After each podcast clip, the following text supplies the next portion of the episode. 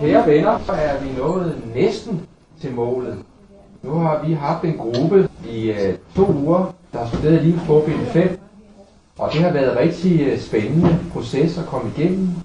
Og vi mener selv, at vi er blevet meget, meget klogere. Men det må omverdenen så vurdere sidenhen. Og, øh, men som sagt, vi er tæt på målet, men øh, heldigvis så har vi Ole. Han fører os de sidste få skridt til toppen. Så Ole han har faktisk kastet sig ud sådan et pyramidestudie. Fordi han mener jo, at han har en fortid i den, i den sammenhæng. Det har jeg aldrig sagt. Så øh, jeg mener, det er, det er sådan her på en måde lidt historie i dag, fordi øh, vi har aldrig haft sådan et pyramideforedrag her i centret før. Men det må være fordi, det er en ny tid, vi går ind i. Så det bliver rigtig, rigtig spændende. Så jeg har en stor glæde at give ordet til Ole Terkelsen og Pyramidernes Hemmelighed.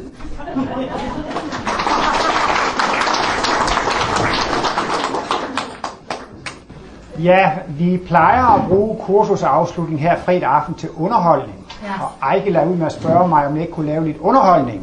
Ja. Men eftersom jeg kun kan de samme 7-8 vitser, og I snart har hørt dem alle sammen, så afslog jeg jo ikke. Men øh, så har Ejkel jo set, at jeg har syslet lidt med pyramidens hemmelighed. Jeg tror ikke, der er nogen af jer, der har set mig bruge manuskript før. Men øh, her til aftens foredrag har jeg lavet et manuskript. Det er syv af fire sider.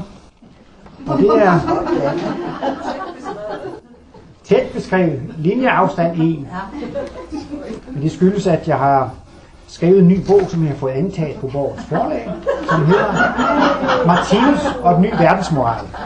Og den har jeg så sendt rundt til alle foredragsholdere, bare som information, og så stod det jo så, hvad alle de her 15 kapitler indeholder. Og så har Ejgil jo lige skinnet ned over det, og så sagde han, at hans øje faldt på pyramidens hemmelighed. Martinus øh, havde engang besøg af Paul Brunton. Paul Brunton var en engelsk forfatter, som var meget kendt, meget berømt. Han var berømt over hele verden. Og han har skrevet en bog, som hedder Det, hemmelige, det hemmelighedsfulde Ægypten. Og han var jo meget stor pyramideforsker. Hans bog blev enormt berømt. Og der har jo også været andre i historisk forløb. Der er blandt andet også en dansker, der hedder Holenberg, som har skrevet om pyramiderne. Og der er mange, der har skrevet om det. Der er også kommet en ny bog for nylig. Det er en, der hedder Erik Ansvang og Tora Lund Mollerup, som har udgivet en om pyramidegåder. Så ned igennem historien er der kommet en lang række forskellige bøger om pyramiderne, og folk er meget spændt på alle de her gåder, og også Sphinxens gåde, denne gådefulde fugl, som også mange er meget øh, optaget af. Og det var meget interessant, at øh, Martinus han levede jo meget, kan man sige, beskedent og tilbagetrukket. Men han fik faktisk besøg af den store pyramideforsker Paul Brunton. Og øh, han boede hos Martinus øh, to-tre gange, eller var på besøg to-tre gange. Jeg tror første gang var i 1950, men i 1952, der boede han faktisk på Martinus Institut i tre måneder i Gerner Larsons lejlighed. Og øh, Martinus gav så Paul Brunton undervisningen to-tre gange om ugen, og øh, Ingrid Ockels har jo fortalt, at hun fungerede som tolk. Meningen var jo så faktisk, at Paul Brunton skulle skrive noget om Martinus. Og det er ingen tvivl om, hvis han havde fået skrevet en bog og fået den publiceret om Martinus, så ville Martinus være blevet verdensberømt i 1950'erne. Og han lavede jo en stor, stor stak notater på Paul Brunton. Og øh, det kom jo også til faktisk, at man havde fået oversat, jeg tror det er Menneskeheden og verdensbilledet.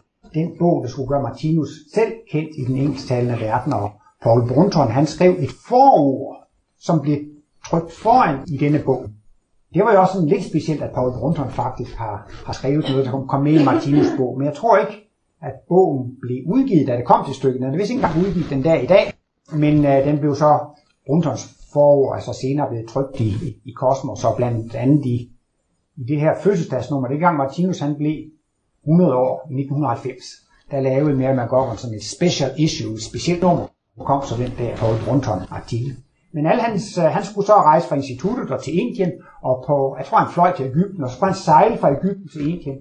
Og på vej undervejs, så gik skibet ned på lavt vand. Alle blev reddet, men alt bagagen blev tabt, blandt andet Bruntons kufferter med alle hans Martinus notater. Men øh, for et års tid siden fik vi faktisk en henvendelse fra en i USA, som var i forbindelse med Paul Brunton Institut, som sagde, at de havde en lille stak noter af Brunton, med Martinus. Det må så være fra et, øh, et andet besøg. Og planen var, at de skulle lægges ud på nettet, men ja, så vidt jeg kan se, at de ikke kom ud på nettet. Brunsons tredje kone var dansker. Paul Brunson, han øh, var som sagt dansk gift, og hun lever stadigvæk, så, så det er muligt stadigvæk, at der kan komme lidt op af de notater, som Brunson gjorde i forbindelse med Martinus. Men øh, så kan man åbenbart bare konkludere, at det var ikke meningen. Martinus skulle gøres kendt igen anden forfatter. Sådan tror jeg også helt sikkert, at det vil blive sådan, at Martinus vil blive kendt i kraft af sit eget forfatterskab. Ikke? Men det er også interessant. Jeg ved, der er nogen, der har sendt Martinus bøger på engelsk til Elisabeth Kübler-Ross, til Stanislav Grof og til Peter Russell, som har skrevet The Awakening World. Og der er mange, der har prøvet at finde Martinus bøger til nogle store berømtheder i den engelsktalende verden. Ikke? Men der er ingen, som er blevet interesseret i. Så det ser ikke ud til. Der er også nogen, der har sendt til dronning Margrethe. Prøv en gang at tænke, hvis Martinus, og det var godt, dronning Margrethe blev interesseret i Martinus, så siger hun interesseret i Martinus. Kan man få bedre reklame her i Danmark? Men øh, det gør hun ikke. Nej, så Martinus skal åbenbart blive kendt i kraft af sig øh, selv. Øh, Martinus har øh, spredt og sporadisk øh, udtalt sig om øh, Keopspyramiden. Han har ikke skrevet sådan noget samlet, han har ikke skrevet sådan en koncentreret artikel om Keopspyramiden, men han har nævnt den ved forskellige lejligheder. Og øh, Martinus adskiller sig jo stærkt fra naturvidenskaben ved, at Martinus siger, denne pyramide blev bygget for 90.000 år siden. Og naturvidenskaben kan vist ikke strække sig til mere end 5.000 år. Der har været en ekstraordinær udsendelse, hvor man har kunnet se, at det er ligesom noget vand, der har eroderet sfinksen, eller der har været noget oversvømmelse. Og, og så, så mener man alligevel, måske man kan gå op på en 10-12.000 år, måske er der nogle avancerede forskere. Og naturvidenskaben mener jo også, at Keopspyramiden må være et gravkammer, et gravmonument, ikke sandt? Og man har jo så altså også øh, et sted inde i pyramiden fundet et sted, hvor der står Keops. Og så mener man, at man kan datere, at Keops han var faraoen for 5.000 år siden. Det kan selvfølgelig også være andre, der i Keops. Ellers så kan det også være, at man havde graffiti for 5.000 år siden, ikke? Og der var sådan nogle graffiti-folk der, der kom ind i en 90.000 år gammel pyramide, ikke? Og så skrev de så lidt nutidig graffiti på, på væggen. Det kan man ikke være helt sikker på. Men Martinus, han stod meget fast på det der med de 90.000 år. Og Martinus taler om, at, øh, at der har været tre store begivenheder i menneskehedens udvikling. Og han har brugt de her udtryk, pyramidebegivenheden, Moses-begivenheden og Kristus-begivenheden. Og Moses-begivenheden er jo der, hvor Moses kommer op på bjerget og får de her lovens tavler. Og mundtligt har Martinus været inde på, at det var jo meget specielt det der med, at Sinai-bjerget var afspærret, og Moses var den eneste, der måtte gå derop. Og Martinus har nemlig fortalt lidt om det i forbindelse med, at han læste Uri Geller-bogen. Der var noget med Uri Geller, han var i kontakt med nogle UFO'er og nogle rumvæsener osv. Martinus han snakkede måske ikke så meget om UFO'er, men han brugte alligevel et udtryk som materialisationer fra det rigtige menneskerige. Så Martinus mener alligevel også, at det kunne godt have været sådan en, en noget større begivenhed. Og hvis man kigger på jordklodens samlede historie, så tror jeg nok, man må sige, at de 10 bud, som Moses kom med, de har haft stor betydning. Tænk bare på, hvilken betydning de 10 bud har haft i den kristne kultur her i Europa, og på en måde jo også i, i Amerika, både Nord- og Sydamerika, og efterhånden også i Afrika. Så det har jo været en stor ting alligevel med denne Moses begivenhed, hvor man fik de, de ti bud. Det var en lille fremgang, at man fik hævnen sat i system, tand for tand, og øje for øje, og blot slag for blot slag, og der står vist en længere remse. Men Martino Martinus sagde, at det blev faktisk også indøvet til den grad, at det blev en vane.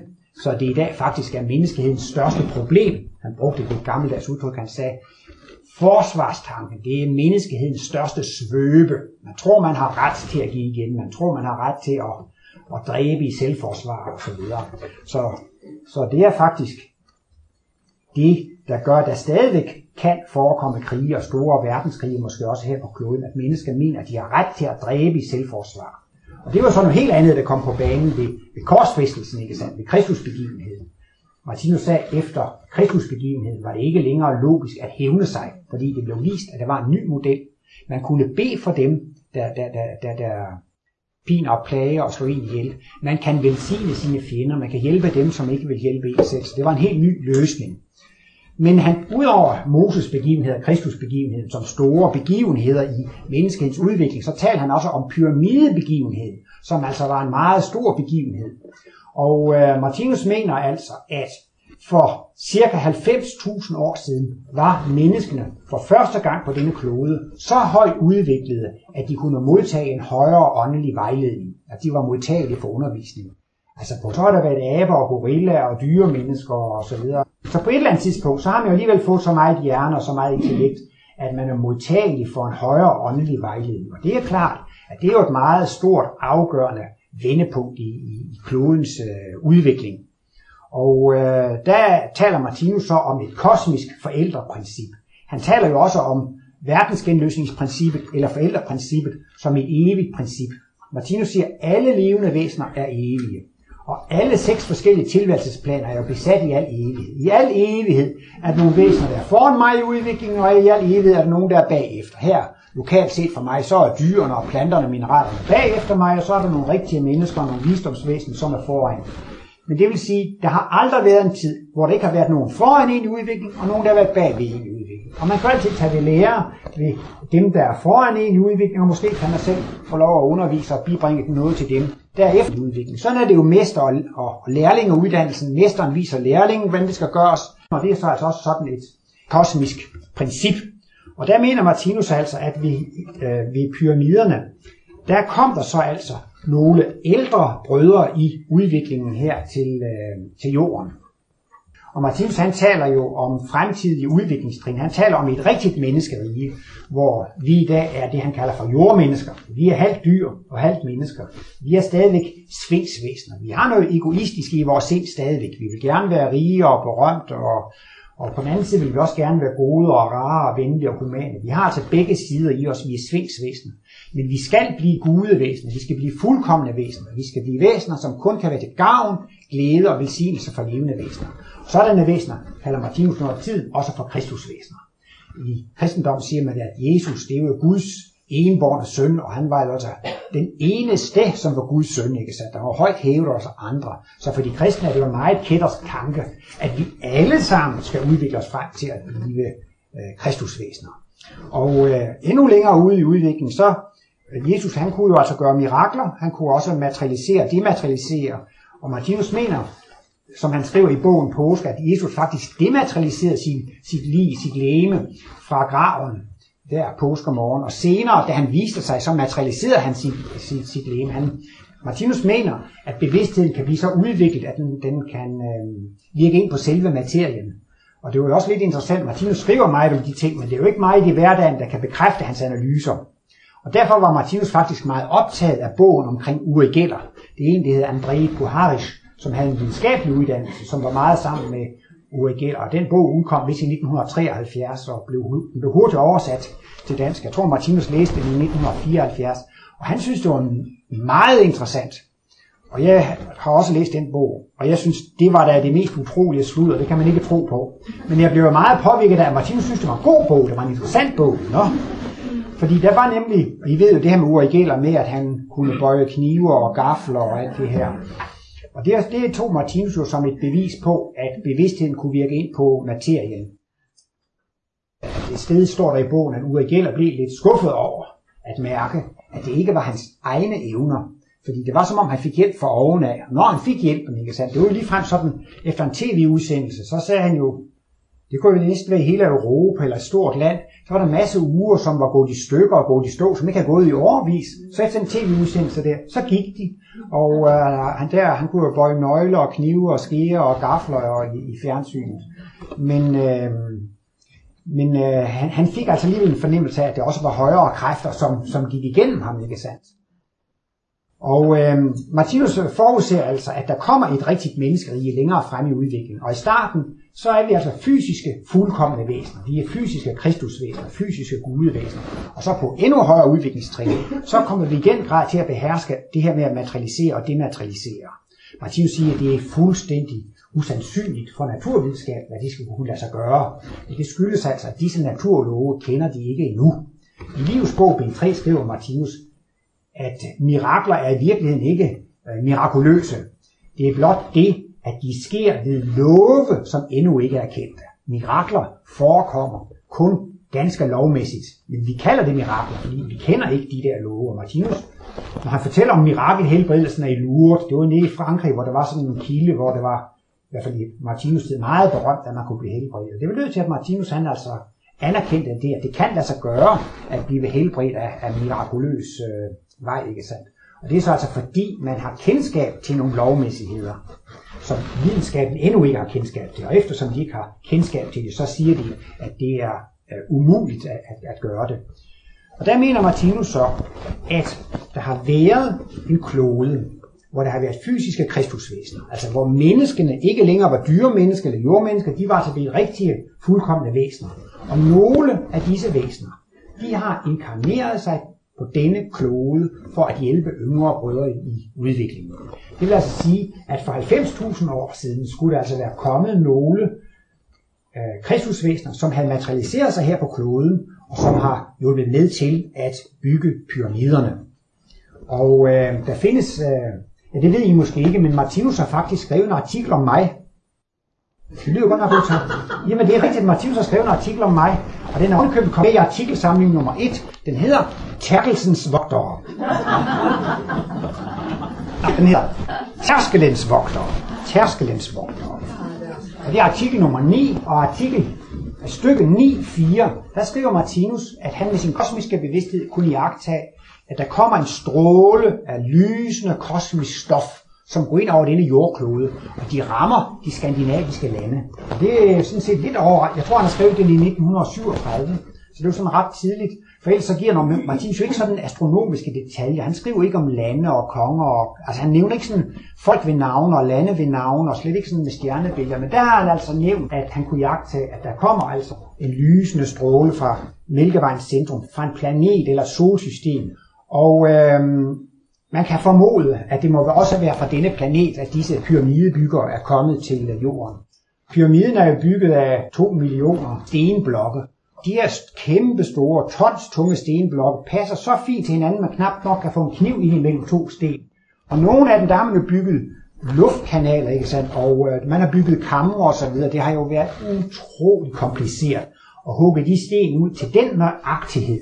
Og så ovenikøbet her, have hele det matematiske system med de her gange og luftkanaler, som skulle. Så det er jo helt usandsynligt, at folk med datidens teknik skulle kunne have hugget det ud og have gjort de der ting. Og der mener Martinus, at disse pyramidebyggere, de kendte altså til stoffets love, og at øh, når de så altså skulle håndtere disse store blokke, så skete det ved materialisation og dematerialisation. Og øh, han har kommet med en analogi og siger, at det er ikke mere mærkeligt end en radioudsendelse. Hvis man sidder i et radiostudio, så er talen fysiske lydsvingninger. Så går det ind i mikrofonen, så bliver det omdannet til det elektriske medium, og så bliver det altså udsendt som radiobølger. Det er elektromagnetisk stråling, som bevæger sig med lysets hastighed. Så siger Martinus, så er det så gået over i en stråleform i tilstandsform. Den kalder Martinus så for den fjerde tilstandsform, en åndelig tilstandsform. Og så er det nemt nok at sætte ud og sende, sende denne udsendelse ud. Og så har man så en antenne, en radio osv., og der findes så en højtaler, og når det så kommer ud igennem højtaleren, så bliver det til fysiske lydsvingninger igen. Så man kan se der ved radioantennen og så højtaleren, så bliver lyden materialiseret igen. Sådan mener Martinus også, at de havde kendskab til disse love, og måske også altså sådan til visse baner, eller visse, jeg ved ikke, nu vi mennesker taler om meridianer og kraftbaner osv. Martinus også udtrykt, at sådan noget har jordkloden også, at de har haft kendskab til det, og at man altså faktisk kan transportere tunge fysiske genstande i princip det samme, at man med, med bevidstheden kan dematerialisere de der store tankeblokke, og så kan de simpelthen transporteres, ligesom elektromagnetisk stråling, og så kan man altså et andet sted få dem materialiseret. Jeg tror nok, man mener, at stenene i pyramiden stammer fra et stenbrud, som ligger et stykke derfra. Og det er jo så altså bygget faktisk som et tempel. Og det, Martinus antyder vel nærmest også altså, at det for åndelig side har været meningen, at der virkelig skulle stå et monument til ære for en højere bevidsthed, ikke sandt? Og det er jo klart, hvis, hvis der kommer nogle gæster fra en højere verden, og som gerne vil aflevere et visitkort, så kan det jo nemt blæse væk i vinden. Men disse væsener fra denne højere verden har altså virkelig afleveret et visitkort, som ikke sådan lige forsvinder. I oldtiden, altså for et par tusind år siden, talte man jo om de syv vidunder, verdens syv vidunder, og af dem var pyramiden den ene af dem, og det er også den eneste, der stadigvæk står. Den er jo i den grad så, så stabil. Så um, Martinus mener altså, at pyramiden også er bygget for at være et vidnesbyrd om en højere bevidsthed. Ikke? Og hvis man sådan virkelig studerer og forsker i de her ting, så vil man kunne forstå, det er umuligt af fortidens primitive mennesker at bygge sådan en pyramide. Ikke? Tinus, han øh, refererede til et sted i Bibelen, og det er et sted, hvor Jesus siger til sine disciple, hvis, hvis I tiger, eller hvis alle tiger, eller hvis I tiger, så skal til sidst stenene råbe. Og øh, det har jo været sådan lidt til tolkning, og jeg har indtryk af, at Martinus har haft øh, to tolkninger af det. Jeg ved i hvert fald, at den ene af Martinus tolkninger er det der med, hvis alle tiger, så skal det stenen og råbe. Og det er altså faktisk, at Martinus mener, at stenene i pyramiden, de råber allerede. Altså, den dag i dag, så råber stenene deres vidnesbyrd om en højere bevidsthed, som har konstrueret de her pyramider, fordi det ville ikke kunne lade sig gøre med datidens stenalder redskaber. De mennesker, som levede på kloden dengang, var altså ganske primitive.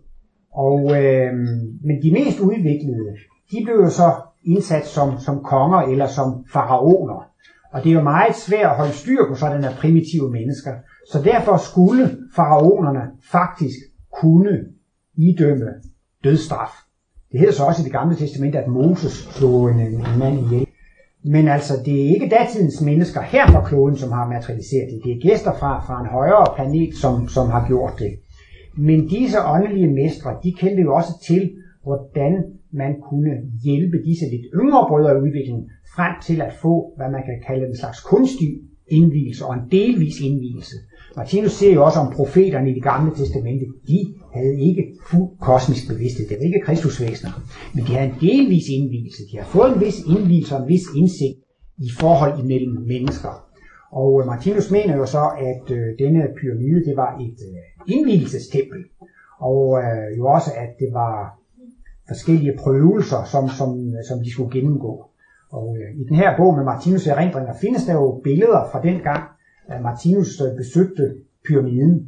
Der er blandt andet et billede, hvor Martinus står ved stenkisten i kongekammeret, og så lidt i baggrunden står hans to rejseledsager, Peter Sacco og øh, Sam Selersen, de står der i baggrunden. Og Martinus er også fotograferet foran øh, Svingsen og foran, øh, foran Kepspyramiden.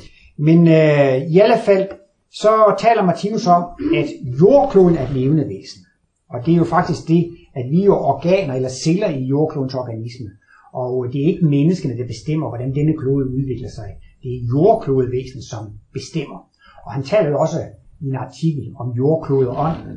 Der har været en artikelserie nummer 1, 2, 3 i 1998, netop om jordklodånden, der er menneskehedens skytsengel nummer 1, ikke sandt? Og det siger Martinus også, det er jo jordklodånden, eller så at sige den åndelige verden, som indsætter konger, kejser og præsidenter og sørger for, at de bliver fjernet. Martinus var jo meget inde på, når Kennedy blev myrdet, eller han blev indsat som, som præsident. Det var ikke nogen tilfældighed. Det var noget, som blev understøttet af den åndelige verden, ikke sandt? Og det må man så også sige, det var ikke tilfældigt, at det var præsident Bush, der, der blev præsident. De skulle næsten også øh, trylle og hekse med stemmerne nede i Miami, for så var det jo Al Gore, der var blevet præsident. Men det passede ikke ind i jordklodens plan. Og det er jordklodevæsen, eller den åndelige verden, som bestemmer, hvilke folkeslag, som skal gå frem, og hvilke folkeslag, som skal udryddes.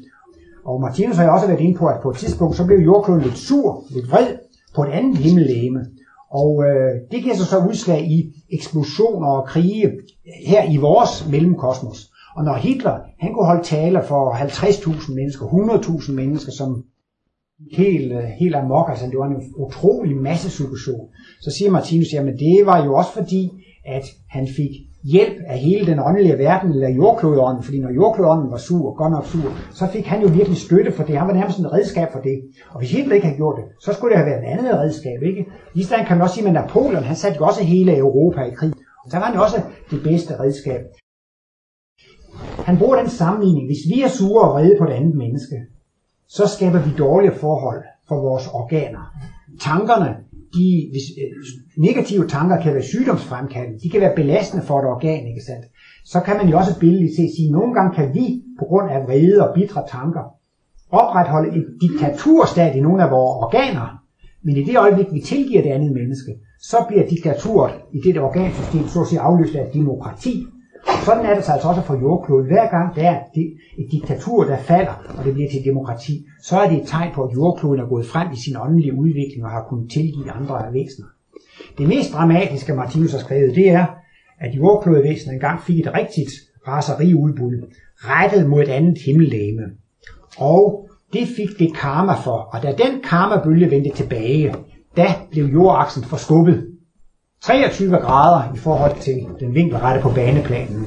Og det er jo noget, der har skabt mørke og kulder og vinter, og mange dyr og mange mennesker har lidt under det. Så det var altså en meget voldsom karma, som jordkloden fik i, i, i kraft af det. Han vil ikke sådan helt sige, om det var af fysisk eller åndelig vej, den karma vendte tilbage. Men det er alligevel interessant, at Martinus forklarer, at jordklodevæsenet kommunikerer med andre klodesystemer. Og øhm, der kommer en spørgetime med Martinus i øh, septembernummeret af Kosmos, Kosmos nummer 8 her i 2009, der kommer der sådan en øh, artikel, hvor Martinus siger, at vores jordklode nu, den snakker med en klode, som har kosmisk bevidsthed. Og det er formentlig denne klode, som ligger i Mælkevejens centrum. Og øh, den får altså undervisning, ligesom Martinus kunne holde foredrag for os, eller skrive noget, vi kunne læse, så er det altså et kosmisk bevidst væsen, som underviser os. Jamen altså, hvis vi er levende væsener, mennesker, og kan få undervisning af andre, hvorfor skal kloderne så også, som også er levende væsener, ikke også kunne få undervisning af andre kloder?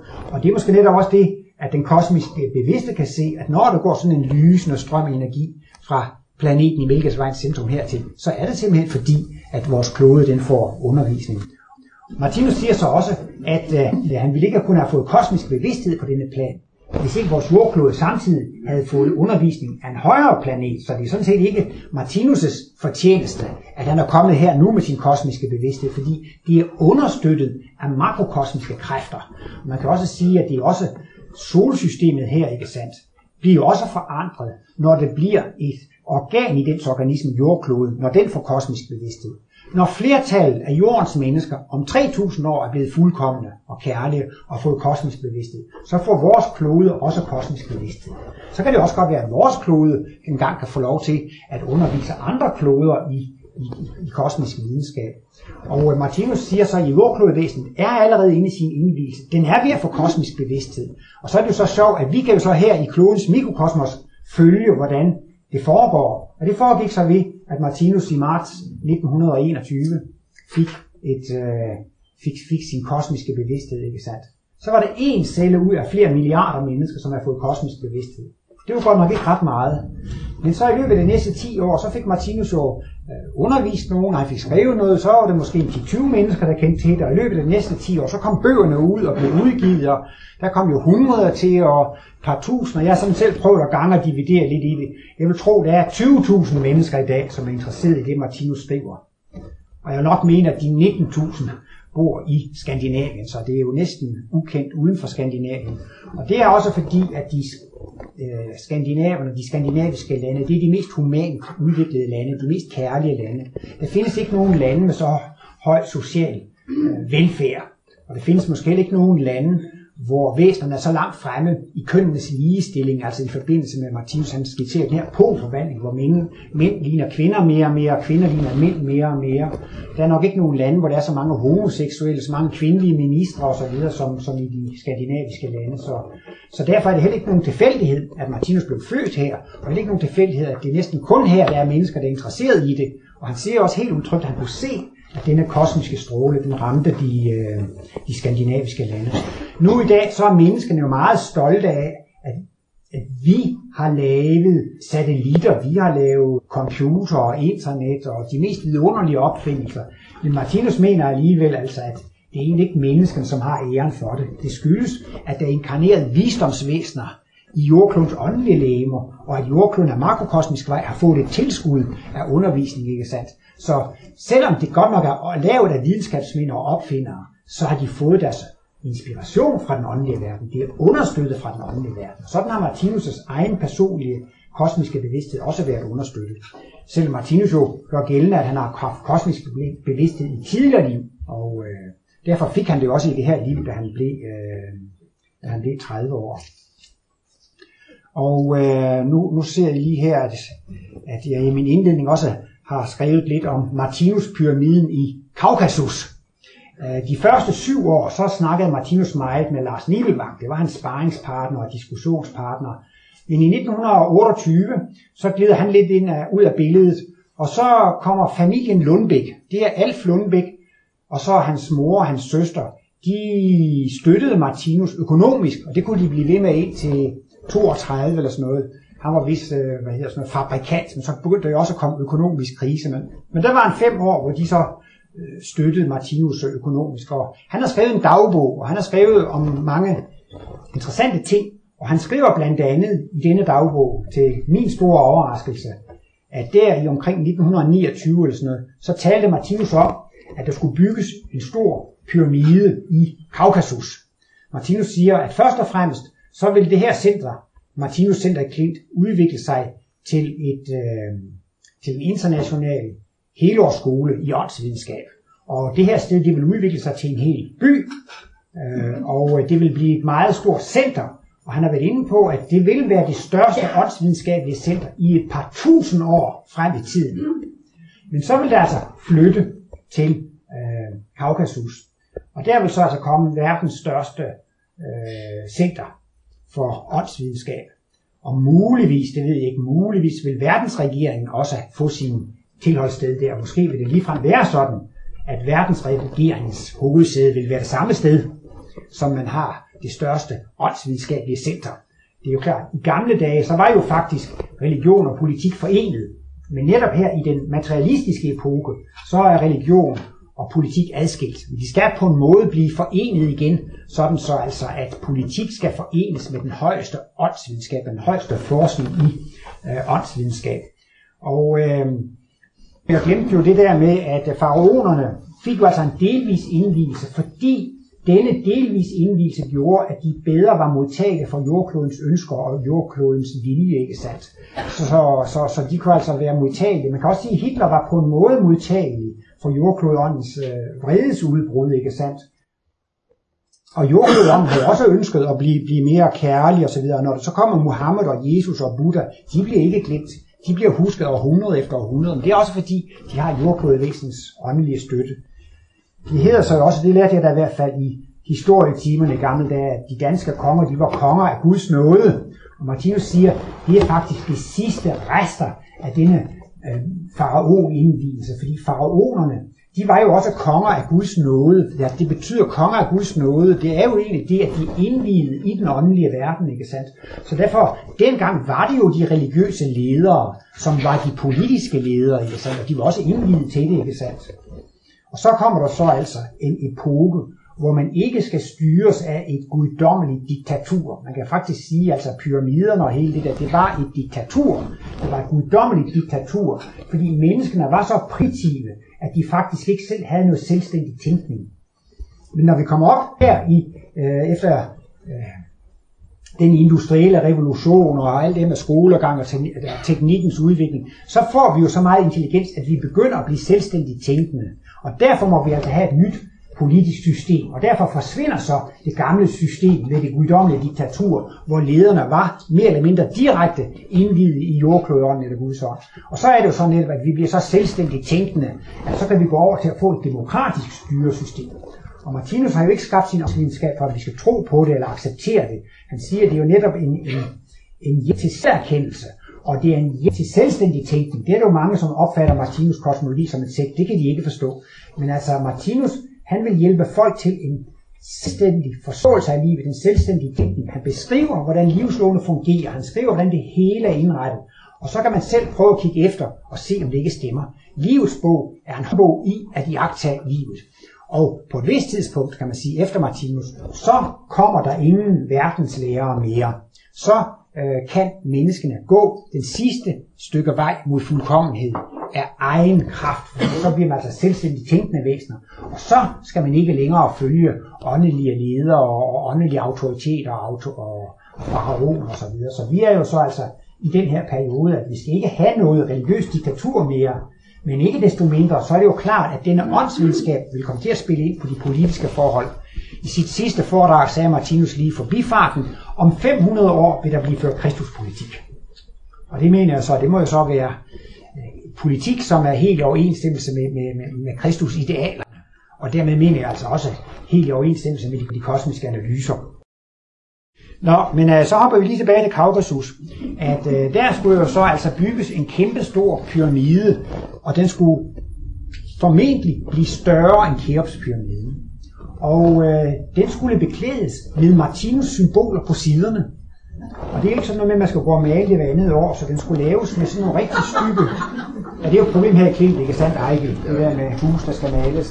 Så, så denne Martinus-pyramide i Kaukasus, den skulle beklædes med nogle meget tykke glasplader, glasstykker, som skulle være indfarvet, ikke sandt? Og så på den måde, så skulle jo altså Martinus symboler virkelig blive for evige og bevaret ved det. Men den fjerde side af pyramiden, den skulle være kridhvid, som et symbol på de tre princip. Og, øh, og det mærkelige er, at jeg har aldrig hørt nogen andre medarbejdere tale om den der øh, Martinus pyramide. I sin dagbog skrev Alf Lundbæk til og med, at han viste tegninger for mor og søster på, hvordan denne pyramide skulle se ud. Men det kan jeg dårligt tro, at Martinus selv har været ved at tegne udkast til denne store Keopspyramide i Kaukasus.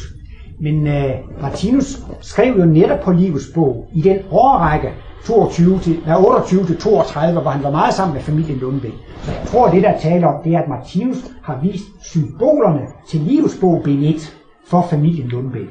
Og de, der er godt ind i det, ved, at symbol nummer 7 og nummer 8 i livsbog, det er jo det her med udviklingsstigen og udviklingstrapperne. Der er jo de kosmiske udviklingsbaner, og så den der med udviklingskram. De er jo rigtig pyramideformede, ikke? så jeg kan godt forestille mig, at Lundbæk har troet, når det var nok nogle skitser til den her pyramide øh, over i, øh, i, i Kaukasus. Men øh, det er da lidt interessant, at Martinus åbenbart har haft sådan nogle visioner. Når det så ikke kommer med i livets bog, så er det netop fordi, det skal jo være åndsvidenskab, og ikke visioner. Og der kan man jo sige, at det er jo svært at bevise sådan en, en vision. Men går vi så lidt, det lyder jo vældig prangende, større end Kæbspyramiden, så har Martinus været inde på, at han gerne ville øh, bisættes i en lille pyramide, og det må gerne stå her på klint. Det er så sådan et, et, et, et længere kapitel, men øh, Martinus øh, har skrevet, at øh, det er synd for nogle mikroindivider i livet at lade livet blive brændt. Og hvis man forrådner, så bliver man faktisk også forbrændt i bakteriernes fordøjelsessystem. Så både ligebrænding og, og forrådnelse er en slags afbrænding af levende animalsk mikroliv. Så selvom organer og celler er døde, så er det stadigvæk noget liv, som man bør beskytte. Og derfor var det Martinus meget magtpålæggende. Øh, han talte meget med bestyrelsen om det de sidste 10 år sit liv, at han ville balsameres. Han ville ikke have, at hans kære læge skulle gå i forrådnelse. Men det er ikke for, at Martinus ønsker persondyrkelse. Man kan i hvert fald sige, Martinus ønskede ikke noget for sig selv, som han ikke ønskede for andre. Når Martinus ønsker at blive balsameret, så er det også fordi han ønskede, at alle andre skulle blive det. Og han modsatte sig meget stærkt, at der skulle være en gravsten eller en statue af ham foran. Men han ville gerne altså have sådan et åbent gravsted, hvor man kunne se kisten, ikke sandt? Og øh, bestyrelsesmedlemmer, de prøver at lave forskellige skitser og lavede sådan en, øh, en, en lille pyramide. Og øhm, der foreligger tegninger, og man har faktisk fået godkendelse til byggeriet af denne lille pyramide. Men kirkeministeriet vil ikke give tilladelse til, at man parkerer kisten over jorden. Se nu for ham Martinus ned i jorden. Det, det vil de ikke gå med til. Og det var faktisk fem år efter Martinus død, før man fandt et sted, hvor man kunne parkere Martinus kiste. Der var faktisk en slags urnehal eller en mausoleumsbygning på Frederiksberg Kirkegård. Og der står så Martinus øh, den dag i dag. Men på sigt vil han altså gerne stå i den der lille pyramide dernede på, på gerne nede ved Villa Rosenberg.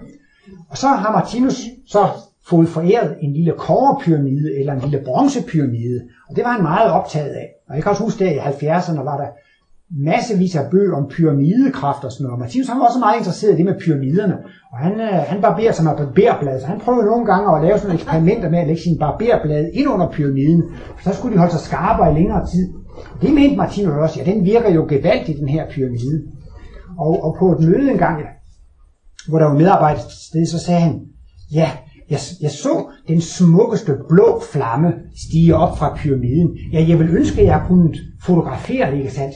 Ja, det var noget så gevaldigt. Solen skinner, det var højlys dag, men jeg kunne tydeligt se, at der steg en blå flamme op fra, fra, fra pyramiden. Så Martinus var altså meget overbevist om, at, at, at der var virkelig noget, noget pyramidekraft. I 1960, så er Martinus færdig med livs bog bind 7. Og netop ved det tidspunkt, så får han en invitation af Sam Singelsen til at komme ned og se pyramiderne. Så siger Martinus, ja tak, det vil han gerne.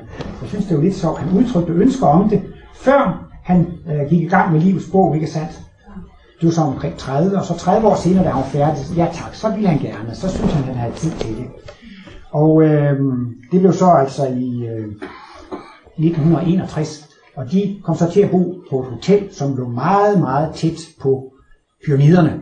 Og da Martinus sidder på hotelværelset, så ser han den ene væg i hotelværelset, den forsvinder. Og den bliver altså til en stor vision.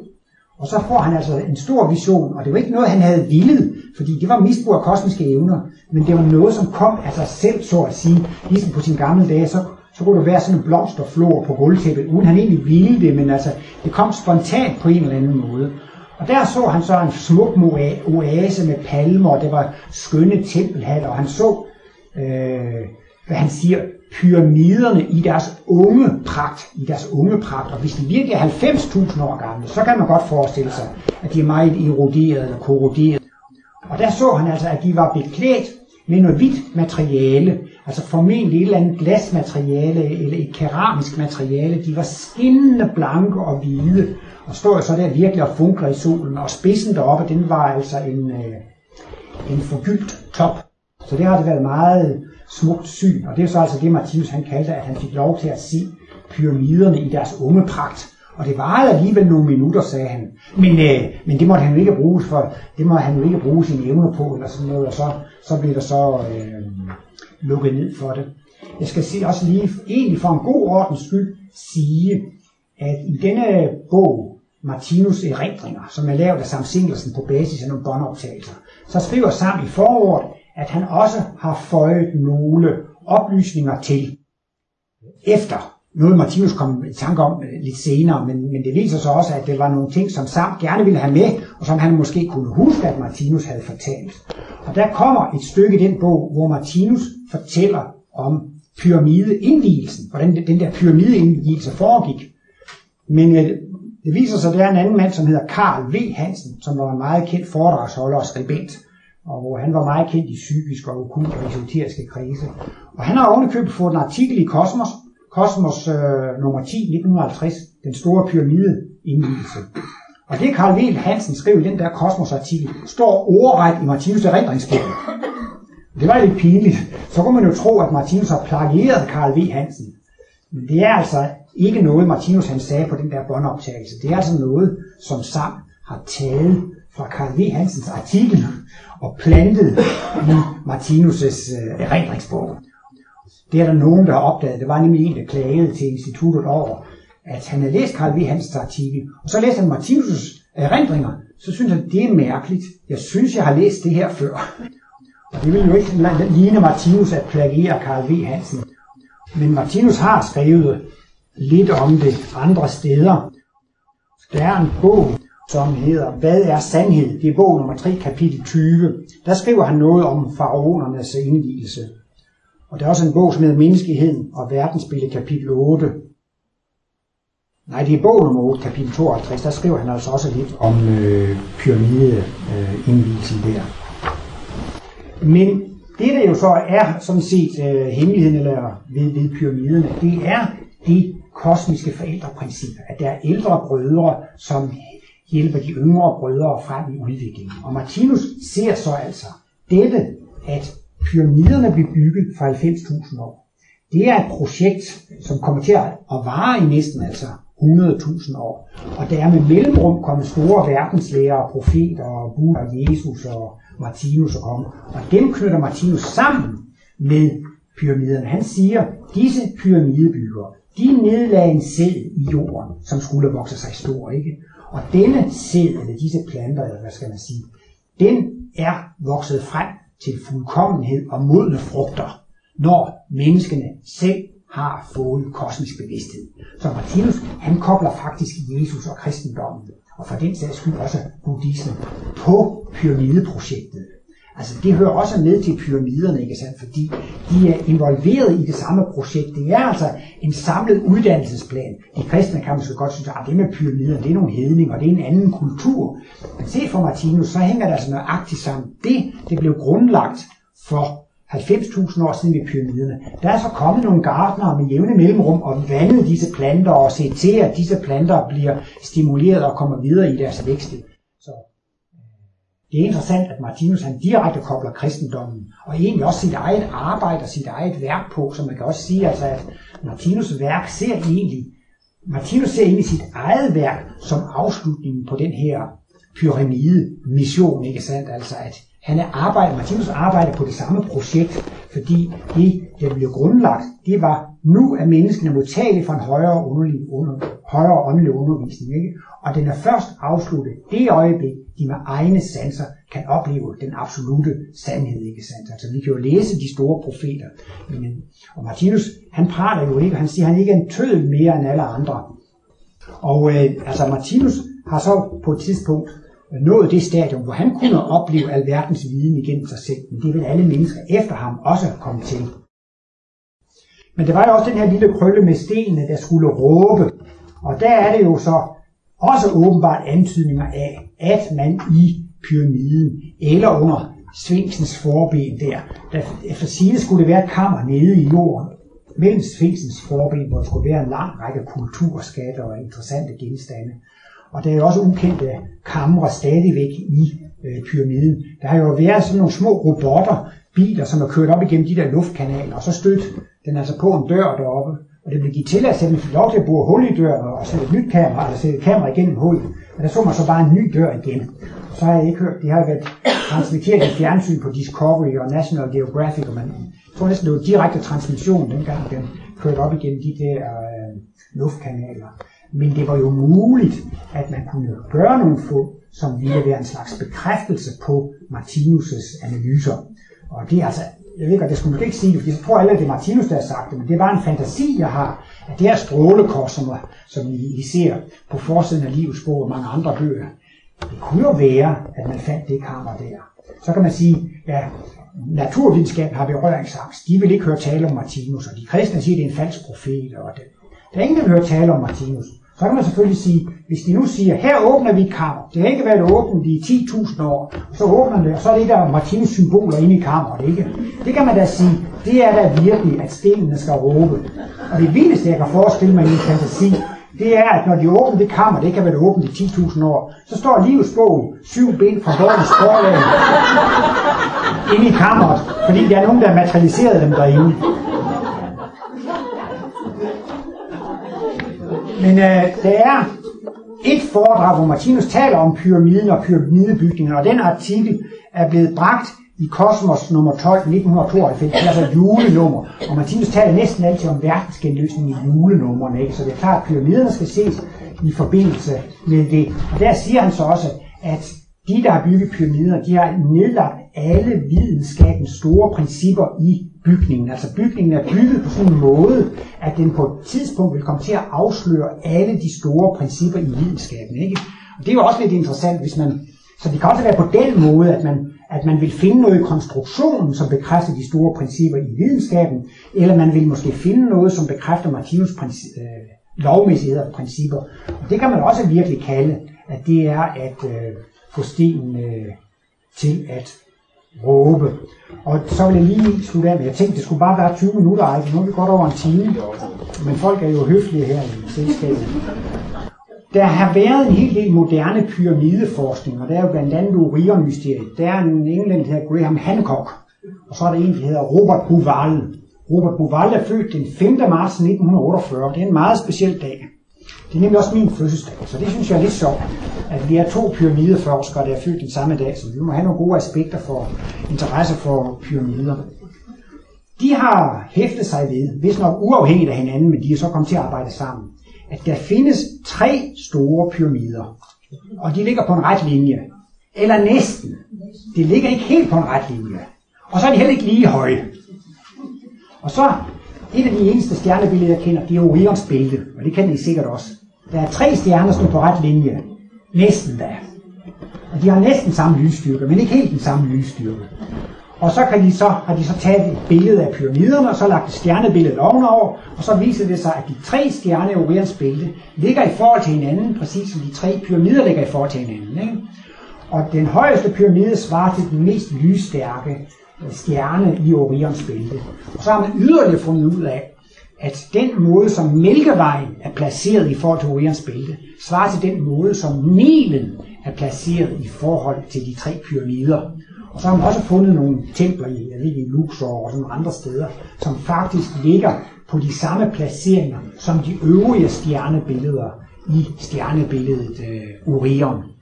Og øh, så har man også prøvet at finde ud af der, hvor, altså, der er jo så øh, altid, det der jo har interesseret menneskene, det er jo forbindelsen mellem menneskene og guderne. Det som det er også en naturreligion, det er, det er forbindelsen mellem menneskene og guderne. Ikke? Og så har de så fundet ud af, at for 12.500 år siden, ved forårsjævndøgn, så faldt solen ved solopgang lige præcis imellem Sphinxens forben. Og lige præcis dengang, der var nogle af luftkanalerne rettet mod bestemte stjernebilleder. stjernebillede. Jeg kan ikke huske, om det var Orions, eller det var Sirius, eller, men altså det var meget, meget slående, at for 12.500 år siden, så var der meget specielle konstruktioner. Jordkloden øh, roterer om sin akse, ligesom en snortop. Og nogle gange så kan I se, at den snortop, den slinger lidt. Den kan godt stå og slingre lidt. Det er det, man inden for fysikken kalder præcision. Jordkøreaksen svinger også lidt. Det kan vi jo ikke mærke meget til. Men den laver en runde på 26.000 år. Så det er en meget langsom slinger. Og jeg mener så, at pyramiden måtte være bygget for 12.500 år siden. Fordi der pegede de lige præcis mod de der stjernebilleder. Og de mener, sådan er det bygget for virkelig at demonstrere for menneskene den kontakt, der er imellem jorden og guderne. Og faktisk altså, at pyramiden er bygget som et monument, som skal forbinde menneskene med guderne, ikke sandt? Og der kan man så måske også se virkelig, at der er altså nogle af videnskabens principper nedlagt. Det er jo helt utroligt i hvert fald, hvis disse meget, de der skakter, de der gange, som kan være så svære at konstruere, at de lige præcis peger mod ganske bestemte stjernebilleder. Og de stjernebilleder har navne, som svarer til de egyptiske guder osv. Så det, det er jo meget øh, enestående. Men så kan man sige, øh, det er fint nok, de peger der for 12.500 år siden. Men hvis vi så lige lægger 26.000 år til, så stod kloden på den samme måde. Så lægger vi lige 26.000 mere til. Og så lægger vi lige 26.000 mere til. Så har vi alt lagt 78.000 år til. Og hvis vi så lige lægger de 12.500 oven i de 78.000 år, så har vi 90.000 år. Og det synes jeg så selv var en meget interessant at så kan det måske alligevel passe ganske udmærket med, at pyramiden er bygget for 90.000 år siden. Så pyramiderne, de er jo bygget netop for at stadfæste og symbolisere den kontakt, det er imellem menneskene og guderne. Det er mellem den fysiske og den åndelige verden. Og pyramiden, det er altså simpelthen et visitkort fra en højere verden. Og stenene, de, de skriger og råber altså på, at de er lavet ved hjælp af en højere bevidsthed. Tak for opmærksomheden.